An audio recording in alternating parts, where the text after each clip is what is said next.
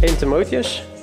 Ja, we zijn uh, vorige keer begonnen met 1 Timotheus. Een beetje gekeken naar de setting en uh, het speelt zich af. Feze, Timotheus moet in een feze blijven. Met een opdracht om uh, sommigen te bevelen geen andere leren te leren. En dat was al voorzegd. Er zouden mensen binnenkomen in de gemeente in Efeze, die Paulus had geplant, heeft hij drie jaar gepreekt. Het was al voorzegd dat er wolven zouden binnenkomen. Die zouden uit hun midden opstaan en van buiten binnen, binnenkomen. En die zouden de kudde niet sparen. En dat moment is al aangebroken. En we zien ook dat dat, we hebben gezien dat dat vrij snel uh, gebeurd is. In, in zeven tot uh, tien jaar. En uh, uiteindelijk zal Jezus later ook nog deze gemeente gaan vermanen. Dus dat is, dat is een grote waarschuwing voor, voor ons. Van, ja, ook al begin je zuiver, we hebben de wens gewoon de Heer in 100% liefde, 100% waarheid te volgen. We pakken het boek, gaan er vers voor vers doorheen. Maar het is geen garantie. En daar uh, is stevig voor gewaarschuwd, meteen in de introductie. Nou, het gedeelte wat we vandaag gaan uh, bekijken, uh, is, is juist weer heel opbouwend. Ik wil niet zeggen dat de andere niet opbouwend is. Hè. Wegblijven van valse leren is ook opbouwend. Maar het, het, Paulus gaat weer echt het evangelie centraal stellen. En ja, we zijn dit aan het doen omdat het ja, we al sinds eh, de zomer bezig zijn te kijken, wat is het nou om gemeente te zijn? We hebben de eerste Korinthebrief behandeld, behandelen nu de eerste Timotheusbrief. En eigenlijk vanaf uh, hoofdstuk 2 begint hij met weer uh, instructies te geven over het reilen en zeilen in de gemeente. Daar gaan we volgende keer mee beginnen. Maar we gaan verder met hoofdstuk 1, vers, vers 12. En ja, Paulus heeft dus eerst gezegd van ja, wegblijven van die valse leer dat zijn, uh, je hebt allerlei, allerlei andere leringen, allerlei andere onderwijzingen. Verzinsels heeft hij het genoemd. dingen die twistgesprekken oproepen. er is zinloos gepraat. Mensen die leraars van de wet willen zijn, maar ze hebben geen inzicht in wat ze zeggen, evenmin in wat ze zo sterk benadrukken. mensen die de wet weer in willen brengen, de oude wet van Mozes, terwijl wij moeten leren wat Jezus heeft geboden, niet wat Mozes heeft geboden. Als je onder de wet wil zijn, nee, de wet is voor onrechtvaardigen, heeft Paulus gezegd. En dat moet je niet leren. Eh, de, de, de wet die leert uh, dat we zondaars zijn, doodslagers, leugenaars, al die, al die dingen hebben we gezien wat Paulus heeft opgenoemd. Mensen die deze dingen doen, zullen het koninkrijk van God niet beërven. Lezen we in 1 Korinthe 6 en in uh, Galaten 5 ook, ook lijstjes met deze dingen.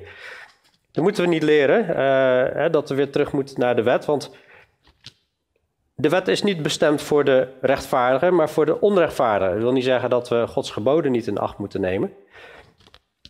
Maar dat had te maken met van als jij de wet overtreedt, ja, dan is de wet er, zodat er getuchtigd wordt, zodat er straf is, zeg maar. Al die dingen moesten niet geleerd worden, of iets anders wat tegen de gezonde leren in is. Overeenkomstig het evangelie van de heerlijkheid van de zalen God hadden we in vers 11 gezien dat Paulus is toevertrouwd. Nou, is zo mooi dat uh, de gezonde leer, de overeenkomstig het evangelie, het evangelie is dus meer dan alleen maar, oh je moet gered worden. Het is het hele raadsbesluit van God, overeenkomstig de heerlijkheid van de zalige God. Paulus heeft licht gezien toen hij geroepen werd. Hij heeft, uh, hij heeft een, een licht uit de hemel gezien. Hij heeft iets van die heerlijkheid van de zalige God gezien. Petrus heeft ook de heerlijkheid van Jezus gezien toen hij verheerlijk werd op de berg. Daar is iets mee met die heerlijkheid van God. Iedereen die gezond, gezonder, alle hebben gezonder en missen de heerlijkheid van God. En dat evangelie weerspiegelt weer iets van die heerlijkheid van de zalige God dat Paulus is toevertrouwd.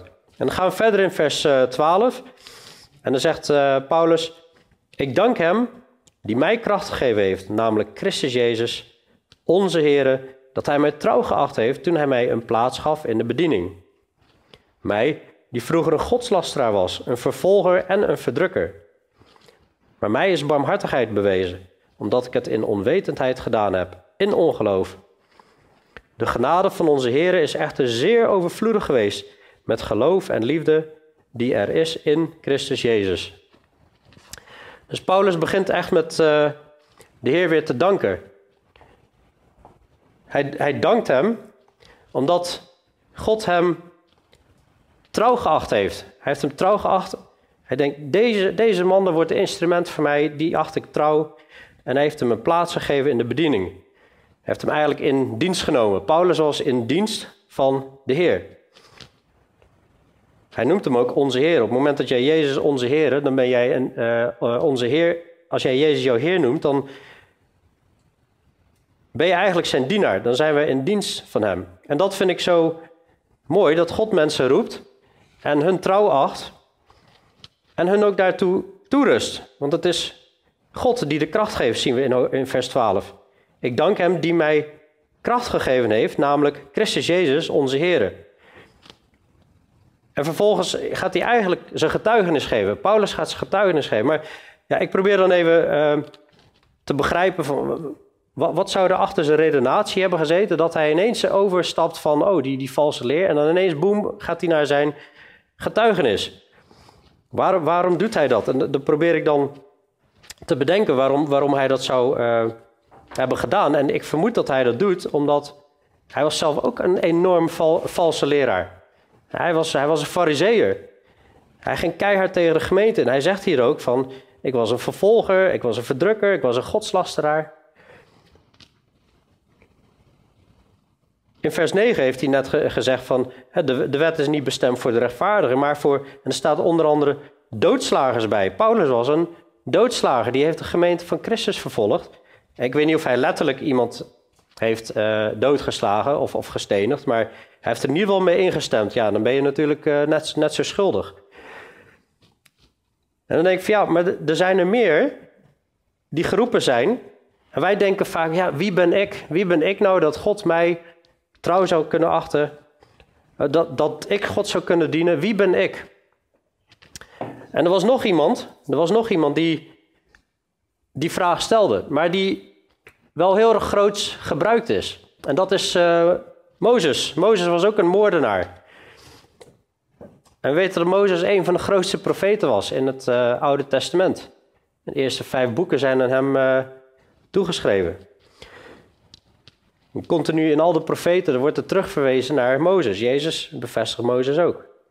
Een van de grootste profeten. Maar toen hij geroepen werd, in, God verscheen in die brandende braamstruik.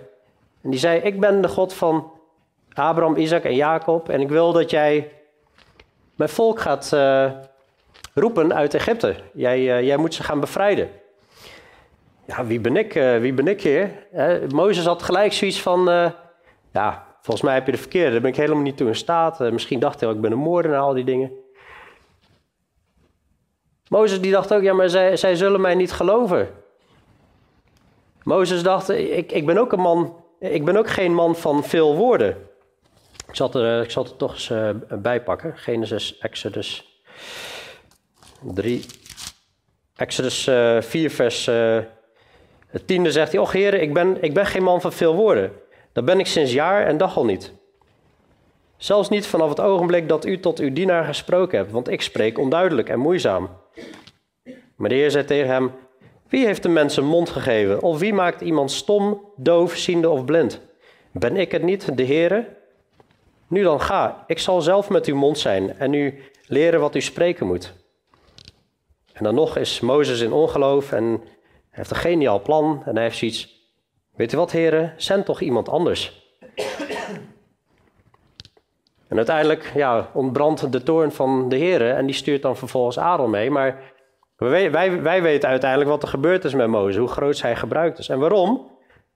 Niet omdat Mozes zo krachtig was, maar omdat de God van Mozes zo krachtig is. En als God iemand roept, zoals bij Paulus, als God ons roept, dan is Hij degene die ons kracht geeft om Hem te dienen. Dan is Hij degene die wijsheid geeft. Hij is degene die de gave geeft.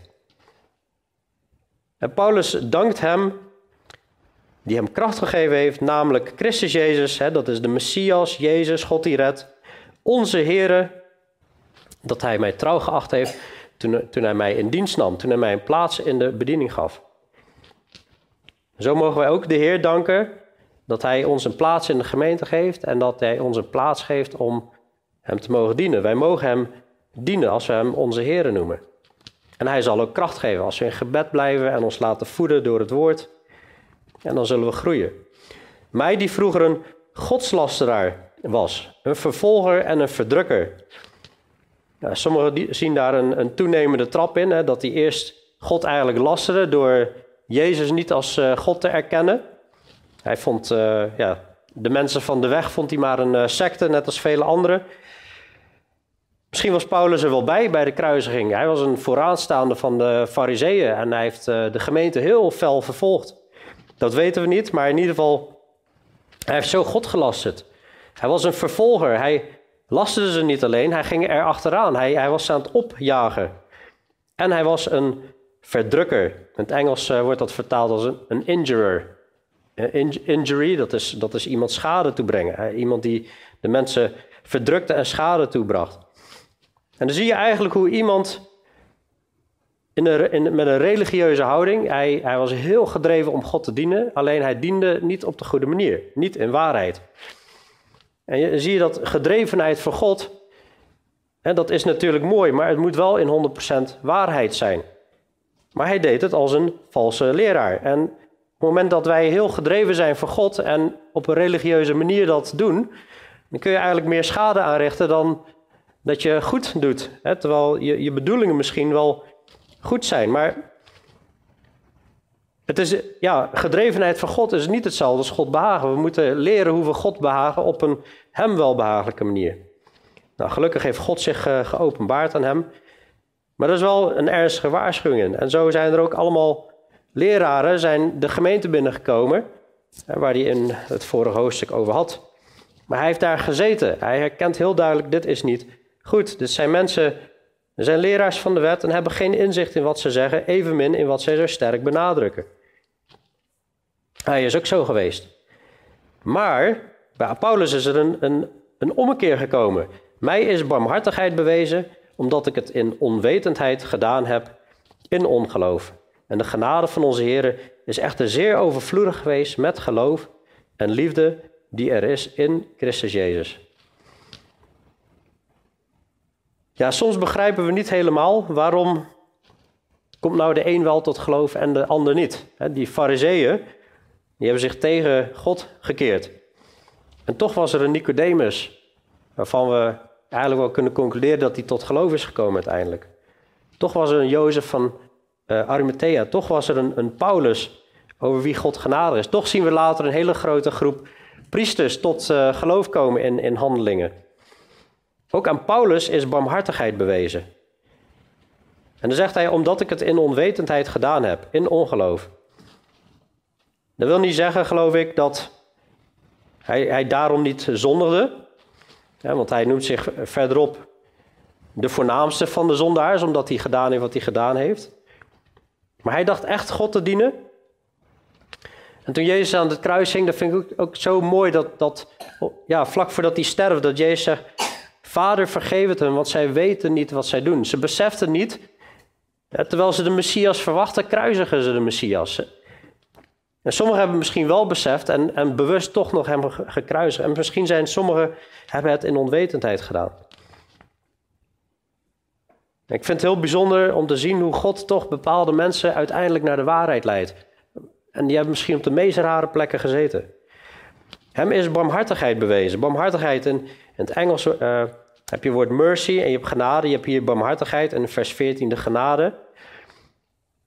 En die barmhartigheid is eigenlijk, ja, Paulus verdient het eeuwige oordeel. Maar hij krijgt niet wat hij verdient. En dat is barmhartigheid. Maar genade is hem gegeven. Hij, hij, hij krijgt uiteindelijk wat hij niet verdiend heeft. dus hij verdient oordeel en dan krijgt hij niet. En uiteindelijk krijgt hij eeuwig leven wat hij niet verdiend heeft. Mij is barmhartigheid bewezen, omdat ik het in onwetendheid gedaan heb. In ongeloof. kennelijk was hij bezig, gedreven, misschien met zijn verstand. We weten ook dat de fariseeën hadden heel veel leringen van mensen hadden ze ingebracht, maar het was allemaal ongeloof. En nu mag hij volledig in geloof vertrouwen op de Heer. het is ook God die het geloof schenkt. Wij zijn gered uit genade, door het geloof, niet dat uit u, het is de gave van God. God schenkt het geloof en God schenkt de genade. En dat is allemaal barmhartigheid. Er is geen enkele verdienste van ons. De genade van onze Heer is echter zeer overvloedig geweest met geloof en liefde die er is in Christus Jezus, zien we in vers 14. En dat woord zeer overvloedig, dat is omdat, omdat Paulus zegt in vers 15 en 16 de voornaamste van de zondaars noemt. Ja, hoe, hoe groter jouw zonde is, hoe groter die genade is. En tegelijkertijd leert Paulus ook in de Romeinenbrief van, dat wil niet zeggen dat we door moeten gaan in zonde, want ja, want, uh, hoe meer we dan zondigen, hoe nog meer groter de genade is. Nee, dat volstrekt niet, dat bedoelt hij er niet mee. Maar die genade is zeer overvloedig. En zeer overvloedig is in, in, Griekse grondtekst is, dat één woord. En daar zit ook het woord hyper in. Ja, wat, dat kennen wij van hyperactief. Dat is echt eigenlijk hyper overvloedig. Dat is extreem overvloedig. Ja, we, we hebben allemaal een verleden. We hebben allemaal gezondigd. We hebben allemaal dingen gedaan die tegen God ingingen. En misschien denk je daar wel eens aan terug en dan denk je, ja, goh, zou die genade wel echt groot genoeg zijn om mijn zonde helemaal weg eh, te wissen? En ja, Jezus' offer is echt zo enorm groot. En, en, en die genade is zo zeer overvloedig dat als wij ons bekeren en ons, ons leven aan de Heer geven en om vergeving vragen, dan is die genade zeer overvloedig. Dan wordt de barmhartigheid van de Heer bewezen aan ons. En het reinigt ons van alle zonde. Het bloed van Jezus reinigt ons van alle zonden. De genade van onze Heer is echter, met zeer over, uh, is echter zeer overvloedig geweest met geloof en liefde. Die er is in Christus Jezus. Nou, we zien hier geloof en liefde. We zien heel vaak geloof, liefde of geloof, hoop en liefde zien we in, in combinatie. Dat is de hele kern waar het om gaat in, uh, in, in de Bijbel. In het wandelen met de Heer. Om te wandelen in geloof, heeft hij in vers 4 en 5 gezegd. Hè? We moeten niet bezig zijn met verzinsels uh, en twistgesprekken. Uh, en dingen uh, die meer twistgesprekken opleveren dan door God gewerkte opbouw in het geloof. We horen elkaar op te bouwen en te groeien in geloof. En het einddoel van het gebod is liefde die voortkomt uit een rein hart, een goed geweten en een ongeveinsd geloof. Dus we zien daar geloof terug. In, hoofdstuk 1, vers 1 hebben we de hoop gezien. Paulus, een apostel van Jezus Christus, overeenkomstig het bevel van God, onze zaligmaker, en van de Heer uh, Jezus Christus, onze hoop. We hebben ook uh, gekeken en toen we bezig waren met de gaven van de geest, dat um, heel veel gaven zullen uh, ophouden te bestaan, maar wat altijd zal blijven is geloof, hoop en liefde. De genade van onze Heer is echter zeer overvloedig geweest met geloof en liefde. Zonder geloof uh, ja, is het onmogelijk om God te behagen. Vanuit het geloof en volledig vertrouwen in Hem kunnen wij God weer behagen. En zo komt die genade ons toe. En die liefde is ook zo belangrijk. Dat is Gods liefde die uitgestort wordt in onze harten. En dat is er in Christus Jezus. Genade van onze Heer is echter zeer overvloedig geweest met geloof en liefde die er is in Christus Jezus. En dat in Christus Jezus, dat is ook zo belangrijk. Dat zien we honderden keren terug in het Nieuwe Testament. In Christus, in Christus zijn we gezegend met allemaal geestelijke zegeningen in de hemelse gewesten. In Christus hebben we het eeuwig leven. In Christus hebben we dit en dat. En buiten Christus om is er niks voor ons. Is er, is is is een eeuwig oordeel.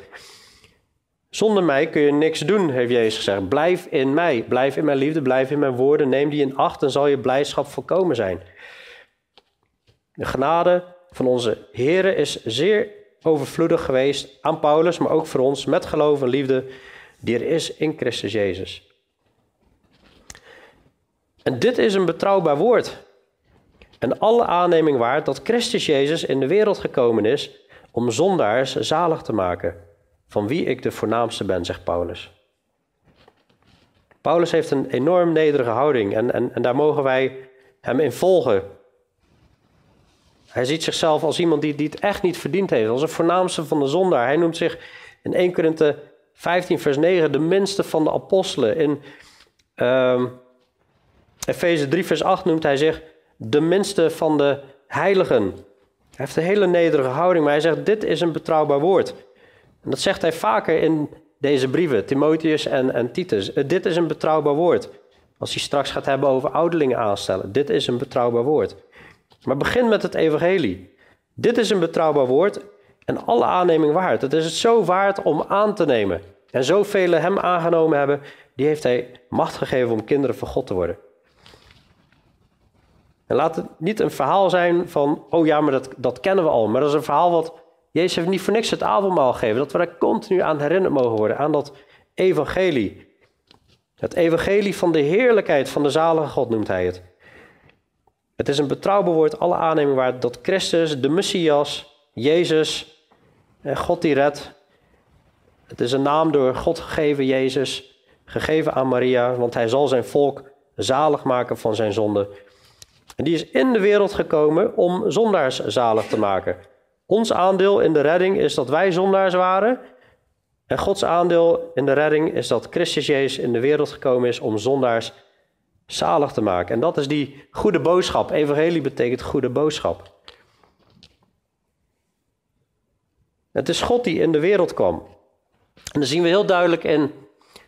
ja, oh ja, hier nog een mooi plaatje over. Hè, het, evangelie, het is de enige weg naar God. Dat zal ook volgende week in hoofdstuk 2 zal dat ook weer terugkomen. Hoofdstuk 2 vers 5. Er is één God, er is één middelaar tussen God en mensen. En dat is de mens Christus Jezus. En die kwam naar de aarde. En in Johannes 1 vers 1 zien we heel duidelijk. In het begin was het woord. En het klinkt wat cryptisch, die zin, als je hem niet zo goed kent. In het begin was het woord. En het woord was bij God en het woord was God. Dit was in het begin bij God. Alle dingen zijn door het woord gemaakt. En zonder dit woord is geen ding gemaakt dat gemaakt is.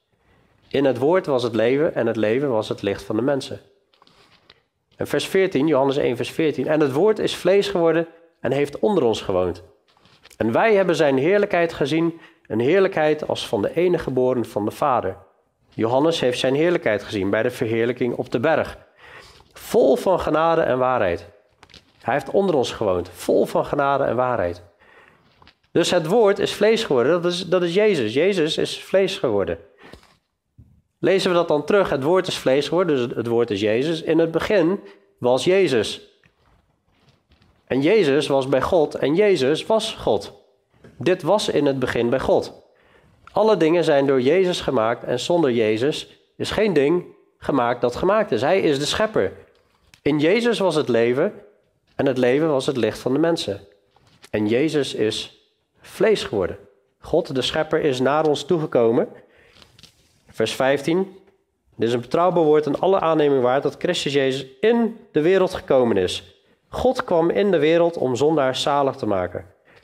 Zondaars, zegt Paulus, van wie ik de voornaamste ben. Maar die barmhartigheid die bewezen is aan Paulus, dat had een doel. Dat zegt hij in vers 16. Maar daarom is mij barmhartigheid bewezen, opdat Jezus Christus in mij, de voornaamste van de zondaars, dan noemt hij het weer, al zijn geduld zou tonen tot een voorbeeld voor hen die later in hem zouden geloven, tot het eeuwige leven. God heeft Paulus eigenlijk als een voorbeeld gesteld hoe enorm geduldig God is met de mens, dat alles wat Paulus gedaan heeft, verschrikkelijke dingen, de gemeente van Christus vervolgt, zijn dienaren gestenigd, Stefanus, vol van de Heilige Geest, is gestenigd, hij stemt daarmee in. En toch toont God zijn geduld aan hem, aan de mens. En, en, en hij bewijst zijn barmhartigheid opdat Jezus in Paulus, de voornaamste van de zondaars, al zijn geduld zou tonen tot een voorbeeld voor hen die later in hem zouden geloven tot het eeuwige leven. Dat zijn wij. Wij zijn degene die later in hem zouden geloven tot het eeuwige leven. En Paulus is tot een voorbeeld gesteld. Wat een ongelooflijk geduld heeft God. Als je het hele Oude Testament leest daarvoor, hoe hardnekkig en hoe halstarrig Israël was. En het gaat maar door en dat gaat door in Paulus en nog toont God zijn geduld. En dat wil niet zeggen dat we maar een beetje uh, lauw en laks christelijk leven moeten leiden. Nee, God wil juist dat we ons bekeren en zoals een Paulus die tot voorbeeld is gesteld, juist vurig gaan wandelen. En vurig in plaats van halstarrig tegen God te strijden, gewoon vurig voor God strijden. En Paulus is een voorbeeld voor hun die later in hem zouden geloven tot het eeuwig leven. Een voorbeeld is soms fijn, hè, dat, dat, dat we zien hoe krachtig hij gebruikt wordt, hoeveel gemeentes hij plant. Maar ja, het voorbeeld is ook dat hij uh, schipbreuk heeft geleden meerdere keren, zweepslagen heeft gehad, gevangen is gezet, uh, in gevaar van rovers. Hij heeft armoede heeft hij, uh, meegemaakt. Um, van alles en nog wat. 2 Korinthe 11, daar somt hij een hele lijst somt hij op. Maar hij mag God dienen. Hij is, een, hij is toch in dienst gezet van God om hem te verheerlijken. En als je dit allemaal begint te beseffen en in je hart laat inzinken, dat Paulus eigenlijk eerst beseft, ja, ik mag onderdeel zijn van het evangelie en we mogen gaan vasthouden aan een gezonde leer. Het, de evangelie van de heerlijkheid van de zalige God. Hij heeft iets van die heerlijkheid gezien bij de ontmoeting met Jezus. Hij is in volle dank dat God hem trouw geacht heeft. En dat hij hem een plaats in de bediening geeft. Hij is zich bewust van de barmhartigheid die bewezen is en de genade die bewezen is. Hij is zich bewust van dat dit een betrouwbaar woord is. Dit is geen onzin, dit is de waarheid. Het is alle aanneming waard. Hij is zich bewust van dat Christus Jezus in de wereld gekomen is en zondaars heeft zalig gemaakt, van wie hij de grootste is. Hij is zich bewust van dat God hem als een voorbeeld stelt voor hun die later in hem geloven zouden. Hoe kan dat anders leiden tot grote aanbidding? Als wij weer bewust worden van wat God heeft gedaan in ons leven. Als wij weer bewust worden van het evangelie, dan leidt dat tot aanbidding. En dat zegt hij in vers 17. De koning nu der eeuwen, de onvergankelijke, de onzichtbare, de alleenwijze God, zij eer en heerlijkheid in alle eeuwigheid. Amen. We zien Jezus als koning der koningen en heren der heren in Openbaring 19. Als hij terug zal komen, iedereen zal hem herkennen. Wij zien Jezus nu als koning. Hij is ook de onvergankelijke. Maar het interessante is, ineens wordt ook de onzichtbare genoemd. Terwijl Jezus niet onzichtbaar was, is in het Oude Testament meerdere keren verschenen. En hij is ook vlees geworden. Men heeft hem gezien. Het kan zijn dat Paulus hier switcht tussen de vader en de zoon. Jezus heeft ook gezegd, ik en de vader zijn één. Hè? Wie, wie de zoon heeft gezien, heeft de vader gezien. De vader is de onzichtbare. Niemand heeft ooit God gezien, alleen de zoon heeft hem geopenbaard. De alleen wijze God. Alle wijsheid is bij God te vinden. God heeft ons gemaakt. God heeft de hele schepping gemaakt. En als we wijsheid tekortschieten, dan kunnen we die bij God vinden. Hij is de bron van wijsheid. Dat zien we in Spreuk 1. De vrezen des Heren is het begin van de wijsheid. Jacobus 1 vers 5 worden we opgeroepen. Als we wijsheid tekortschieten, laten we bidden. We hebben op de woensdagavond gezien, al twee woensdagen in het verhaal van Daniel, hoe God steeds wijsheid schenkt als ze God gaan zoeken. Ongekende wijsheid die God geeft aan Daniel en zijn vrienden. Dit is de alleenwijze God, die zij eer en heerlijkheid in alle eeuwigheid. En hem komt alle eer en heerlijkheid toe. Ik heb het ook wel op mijn hart om eens een keer ook een studie te gaan doen over de heerlijkheid van God. Of een preek over dit. Is zo mooi om te zien. Dat, wordt zo vaak genoemd. En de heerlijkheid die wij geven, maar ook de heerlijkheid die er is in God.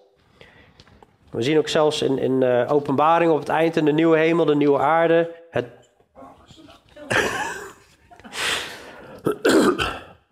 Ik begin spontaan voor te lezen. We zien, we zien uh, bij het nieuwe Jeruzalem, en dan zien we dat op een gegeven moment, er is geen tempel meer. En uh, God is het licht en Jezus is de lamp. En, en, en er is geen zon en geen maan en de heerlijkheid van God beschijnt er.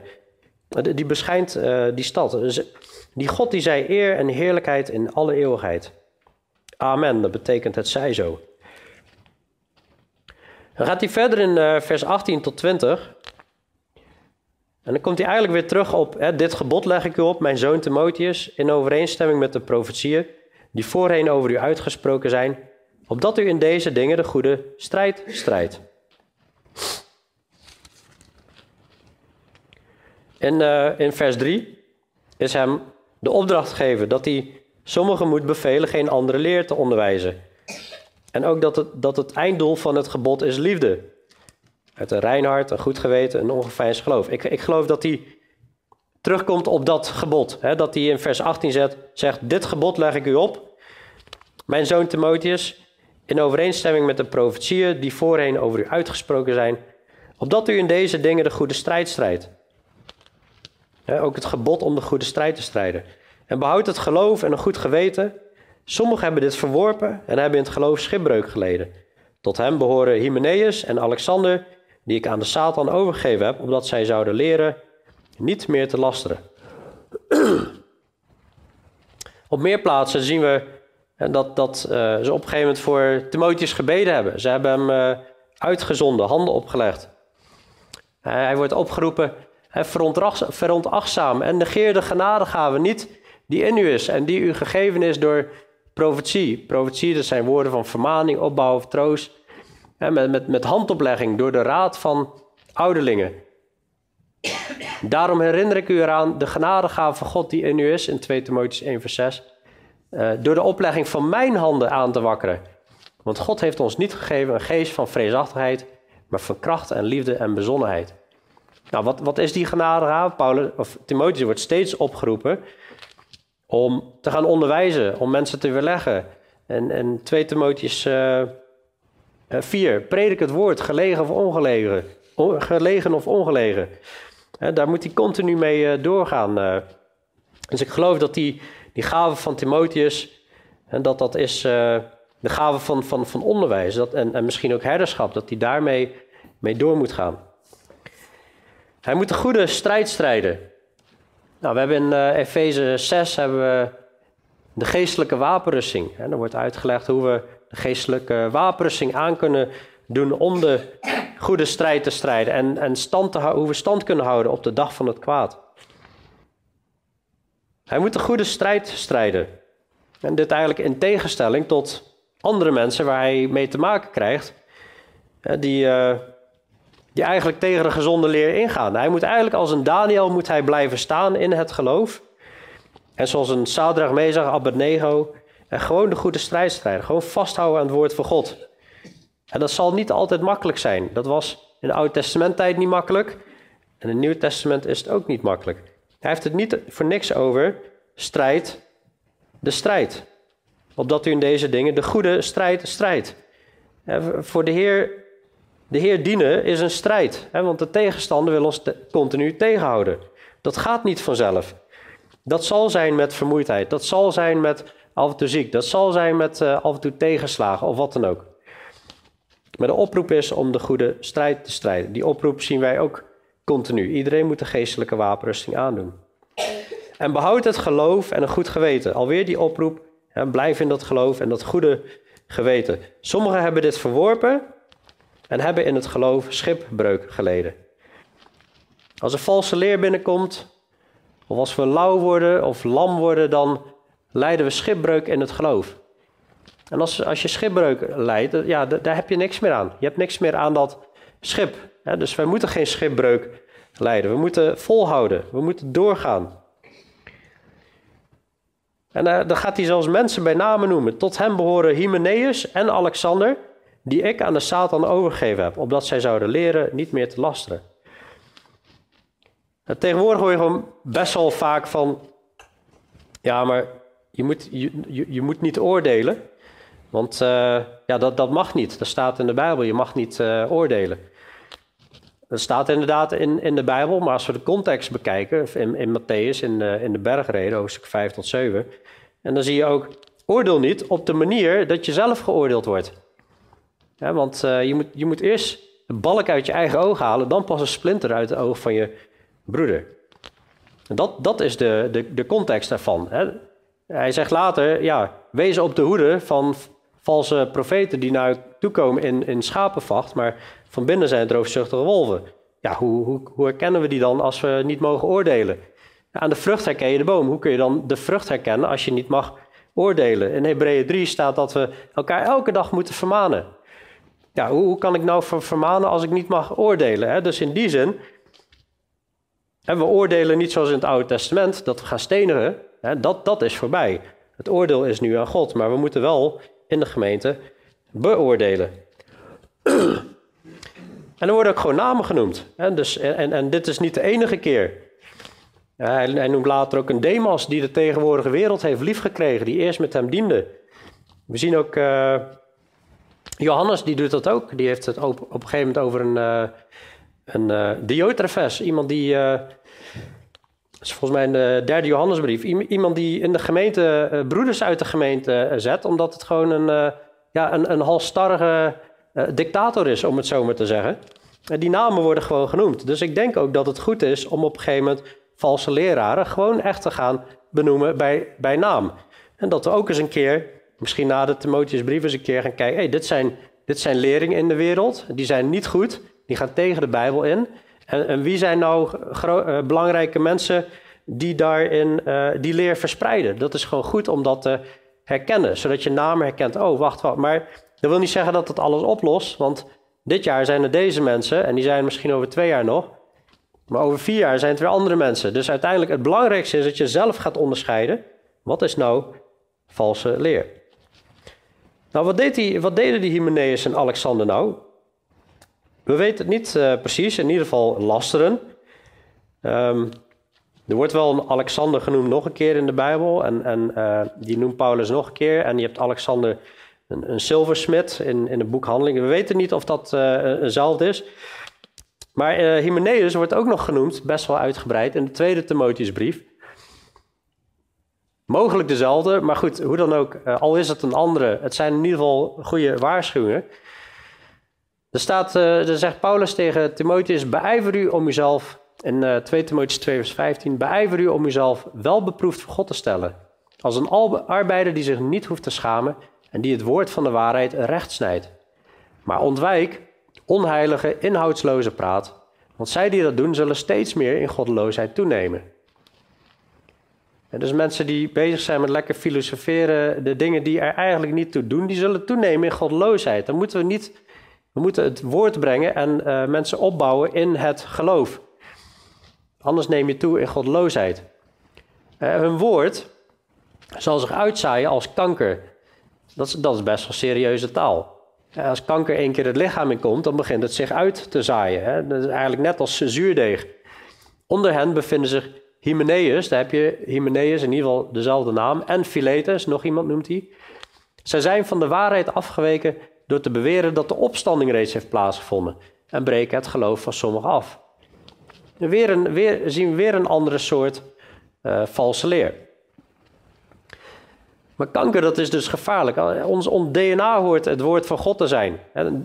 Dit horen we te kopiëren in ons leven. Maar op het moment dat wij dit beginnen te kopiëren in combinatie met valse leer, en anderen gaan dat weer kopiëren vanuit ons leven, zeg maar. Ja, zo krijg je kanker wat de gemeente binnenkomt.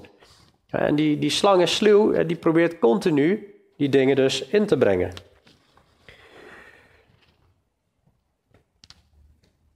Ik denk dat de boodschap gewoon is: blijf continu bezig met het onderwijs. En met het verkondigen van, dat, uh, van het evangelie. Met de grote opdracht, opdracht. Maar we leren hieruit ook dat het belangrijk is dat we ook het woord kunnen verdedigen. Want als je valse leer herkent, dan moet je het ook kunnen aantonen waarom het vals is. Hè? Dus je moet ook het woord van God kennen en het dus kunnen verdedigen. Nou is natuurlijk wel iemand met, met de gaaf van uh, leraarschap en zo. En voor de een uh, zal het misschien wat makkelijker zijn dan de ander. Maar toch geloof ik dat we allemaal de geest hebben, de geest van de waarheid. En die zal u leiden in heel de waarheid. Als wij oprecht de Heer willen dienen en je, je zegt, Heer, ik wil echt alleen maar in waarheid u volgen. Dan zal Hij je de dingen openbaren. En blijf vooral in het woord. En, en behoud dat, goed, eh, dat geloof en een goed geweten en strijd. Um, en dat je de goede strijd mag strijden. ik denk de toepassing van heel dit stuk is, ja, mediteer gewoon weer op het evangelie. Op wat Jezus echt gedaan heeft voor ons. Mediteer daarop. Hè, en, en, en besef echt weer wat Jezus heeft gedaan voor jou, voor mij. En hoe over, zeer overvloedig die genade is. Vorige week hebben we best wel gehad over, over vals leer natuurlijk. En uh, er zei afgelopen ook iemand tegen mij van ja... Maar ja, ik, ik, ik, geloof nog niet zo lang en ik vind dat best wel lastig. Hoe, hoe herken je dat nou allemaal? Hè? Er zijn zoveel dingen en dat is ook zo. Maar één ding weet ik, er is heel veel leugen. Er is heel veel onbetrouwbaarheid in de wereld. Maar dit woord, dat is trouw. Hè? Dat, dat, dat verandert niet. Hè? Het is een betrouwbaar woord en alle aanneming waard. Dus als wij gewoon, ja, laten we zeggen, bijna al onze tijd hier aan besteden en niet aan allerlei andere zaken, ja, dan zit je gewoon al in de goede richting. En natuurlijk moet je dus soms nog zoeken van hoe leg ik het dan uit. Maar ik denk, het opengaan van uw woorden, dat geeft licht, staat in Psalm 119, vers 130. En het schenkt eenvoudige inzicht. Blijf in het woord en blijf in Jezus. En als het, als het eenvoudige inzicht schenkt, ik vind mezelf ook maar een eenvoudig iemand, maar dat woord dat schenkt inzicht, hè, dat, uh, dat geeft licht. Eh, beproef alle dingen en behoud het goede, zegt Paulus. Ik geloof niet dat hij daarmee bedoelt, we moeten ons maar in alles 100% verdiepen. Eh, heel veel vals leer kan ik. Ja, je pakt een paar punten en dan weet je al, dit, dit rammelt aan alle kanten. En dan hoef ik me niet oneindig daarin te verdiepen. Maar behoud het goede vanuit het woord. En focus op de grote opdracht. Het evangelie verkondigen, de doop en leren onderhouden. Alles wat Jezus geboden heeft. En niet wat mensen leren. Dat, dat risico is heel vaak. Dat we luisteren naar wat mensen hebben geleerd. En uh, ook mijn woorden moet je toetsen. Ja, want uh, ik kan er ook naast zitten en uh, ja, spreek me maar aan als je denkt, nou, volgens mij klopt dat niet, dan, dan ben ik alleen maar blij, want ja, ik wil gewoon de waarheid volgen, zeg maar. Er kunnen niet twee waarheden tegelijkertijd waar zijn. De volgende keer gaan we weer verder. En er staan ook weer opbouwende stukken in. Dan zullen we bidden.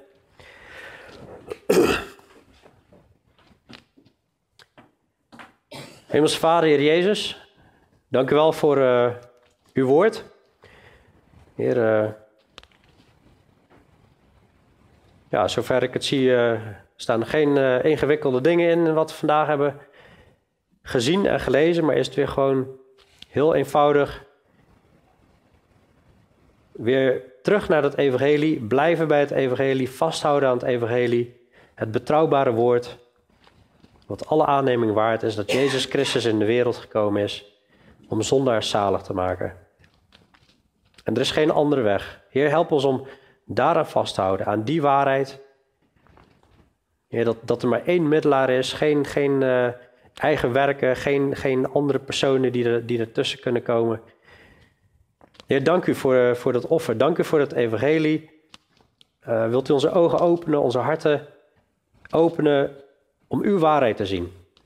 En dat als uw woord open gaat, dat het, dat het licht mag geven en dat het eenvoudige inzicht mag geven. En dat het ons allemaal inzicht mag geven. Heer, wilt u, wilt u ons zo leiden door de geest, Heer, om uh, steeds weer terug uh, te komen bij u, bij het kruis. En ja, dat, dat, dat het ook niet iets zal zijn waar, waarvan we denken, nou, dat verhaal kennen we wel. Maar dat, dat we u blijven danken en verheerlijken en, en aanbidden Heer Koning der eeuwen, de onvergankelijke, de onzichtbare, de alleenwijze God.